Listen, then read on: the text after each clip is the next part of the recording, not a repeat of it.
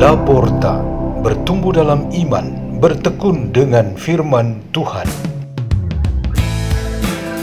Radio Laporta, pintu terbuka bagimu untuk pertumbuhan pengetahuan dan kebijaksanaan tentang Allah.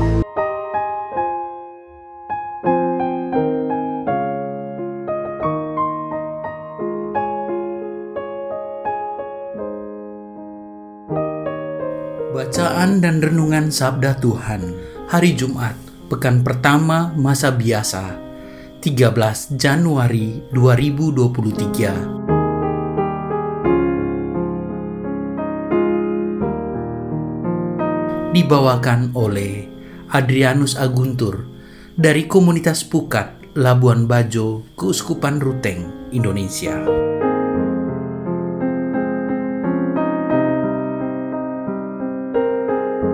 Inilah Injil suci menurut Markus. Selang beberapa hari sesudah Yesus datang ke Kapernaum, tersiarlah kabar bahwa ia ada di rumah.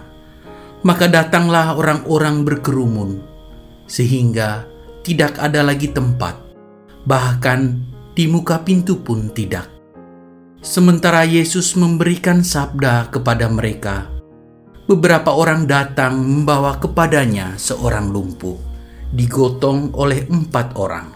Tetapi mereka tidak dapat membawanya ke hadapan Yesus karena banyak orang itu.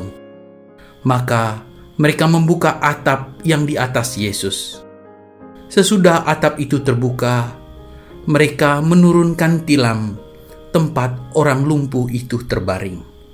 Melihat iman mereka, Berkatalah Yesus kepada orang lumpuh itu, "Hai anakku, dosamu sudah diampuni." Tetapi di situ duduk juga berapa ahli Taurat. Mereka berpikir dalam hati, "Mengapa orang ini berkata begitu?" Ia menghujat Allah. Siapa yang dapat mengampuni dosa selain Allah sendiri? Tetapi Yesus langsung tahu dalam hatinya bahwa mereka berpikir demikian. Maka ia berkata kepada mereka, "Mengapa kamu berpikir begitu dalam hatimu? Manakah lebih mudah mengatakan kepada orang lumpuh itu, 'Dosamu sudah diampuni,' atau mengatakan, 'Bangunlah, angkatlah tilammu dan berjalan'? Tetapi supaya kamu tahu bahwa di dunia ini Anak Manusia berkuasa mengampuni dosa." Lalu berkatalah Yesus kepada orang lumpuh itu, "Kepadamu kukatakan, bangunlah, angkatlah tempat tidurmu, dan pulanglah ke rumahmu." Dan orang itu pun bangun, segera mengangkat tempat tidurnya, dan pergi keluar di hadapan orang-orang itu. Mereka semua takjub, lalu memuliakan Allah, katanya, "Yang seperti ini belum pernah kita lihat.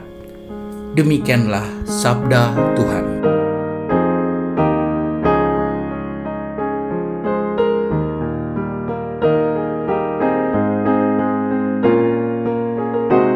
Renungan kita pada hari ini bertema melawan prasangka buruk. Pada waktu berusia 20 tahun, pemuda kaya dari Mesir yang lahir pada tahun 250, Antonius memilih untuk hidup bertapa. Ia meninggalkan segala-galanya karena pilihan hatinya hanya kepada Tuhan. Pilihan hidup yang sangat unik dan aneh ini menimbulkan prasangka buruk dari orang-orang sekitarnya. Mereka tidak mengerti dan mengetahui secara menyeluruh tentang pilihan hidup Antonius yang kita kenal sekarang sebagai Santo Antonius. Prasangka buruk terhadap orang lain biasanya disebabkan oleh dua faktor utama, yaitu kurangnya pengetahuan atau pemahaman dan pikiran negatif. Ketika kedua penyebab ini menyatu dan saling mengandaikan satu sama lain, seseorang tidak sekedar berprasangka buruk, tetapi ia sudah memiliki sikap nekat berbuat jahat dan brutal. Perkelahian dan perang antara sesama manusia sering disebabkan oleh prasangka buruk seperti ini. Surat kepada orang-orang Ibrani di dalam bacaan pertama hari ini mengingatkan kita bahwa kabar sukacita Allah dan kebijaksanaan ilahi tidak mendapat tempat di dalam hidup orang yang tidak beriman. Mereka sangat curiga dan berprasangka buruk atas segala ajaran tentang kebenaran dan terutama yang dibawa oleh Yesus Kristus. Undangan Tuhan bagi umatnya untuk masuk ke dalam tempat ia berada tidak mereka indahkan mereka memandang undangan itu sama sekali tidak bermakna. Sikap kaum Farisi dan para ahli Taurat kepada Yesus justru mengikuti perlakuan orang-orang tidak beriman kepada para utusan Allah seperti nabi-nabi. Yesus menghadapi sebuah gelombang prasangka buruk yang sangat besar karena para lawannya itu menyatukan sikap negatif dan pemutarbalikan pengetahuan tentang kebenaran dari Tuhan. Mereka adalah orang-orang cerdik dan pandai, tetapi pengetahuannya sungguh-sungguh salah dan amat berbahaya. Akibatnya, mereka menjadi jahat dan brutal terhadap Yesus dan kehendak Tuhan Allah sendiri. Di dalam hidup kita sehari-hari, khususnya di dalam pergaulan dengan sesama. Kita mungkin saja sering berprasangka buruk terhadap orang lain karena kurang pengertian atau pemahaman dan pikiran atau perasaan negatif. Pikiran atau perasaan negatif itu seperti menyikapi perbedaan-perbedaan di antara kita dengan anggapan kurang baik atau tidak cocok.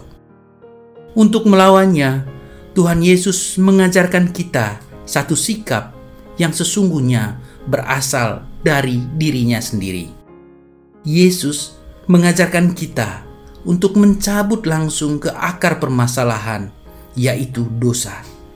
Jadi, prasangka buruk memang harus dicabut dengan cara memperluas wawasan atau pemahaman dan membangun kebiasaan berpikir positif dan baik. Marilah kita berdoa dalam nama Bapa dan Putra dan Roh Kudus. Amin. Ya Allah Maha Murah, semoga kami tidak goyah karena tantangan atau halangan yang mengganggu iman dan kesetiaan kami kepadamu. Salam Maria penuh rahmat Tuhan sertamu, terpujilah engkau di antara wanita, dan terpujilah buah tubuhmu Yesus. Santa Maria Bunda Allah, doakanlah kami yang berdosa ini, sekarang dan pada waktu kami mati. Amin. Dalam nama Bapa dan Putra dan Roh Kudus. Amin. Radio Laporta, pintu terbuka bagimu.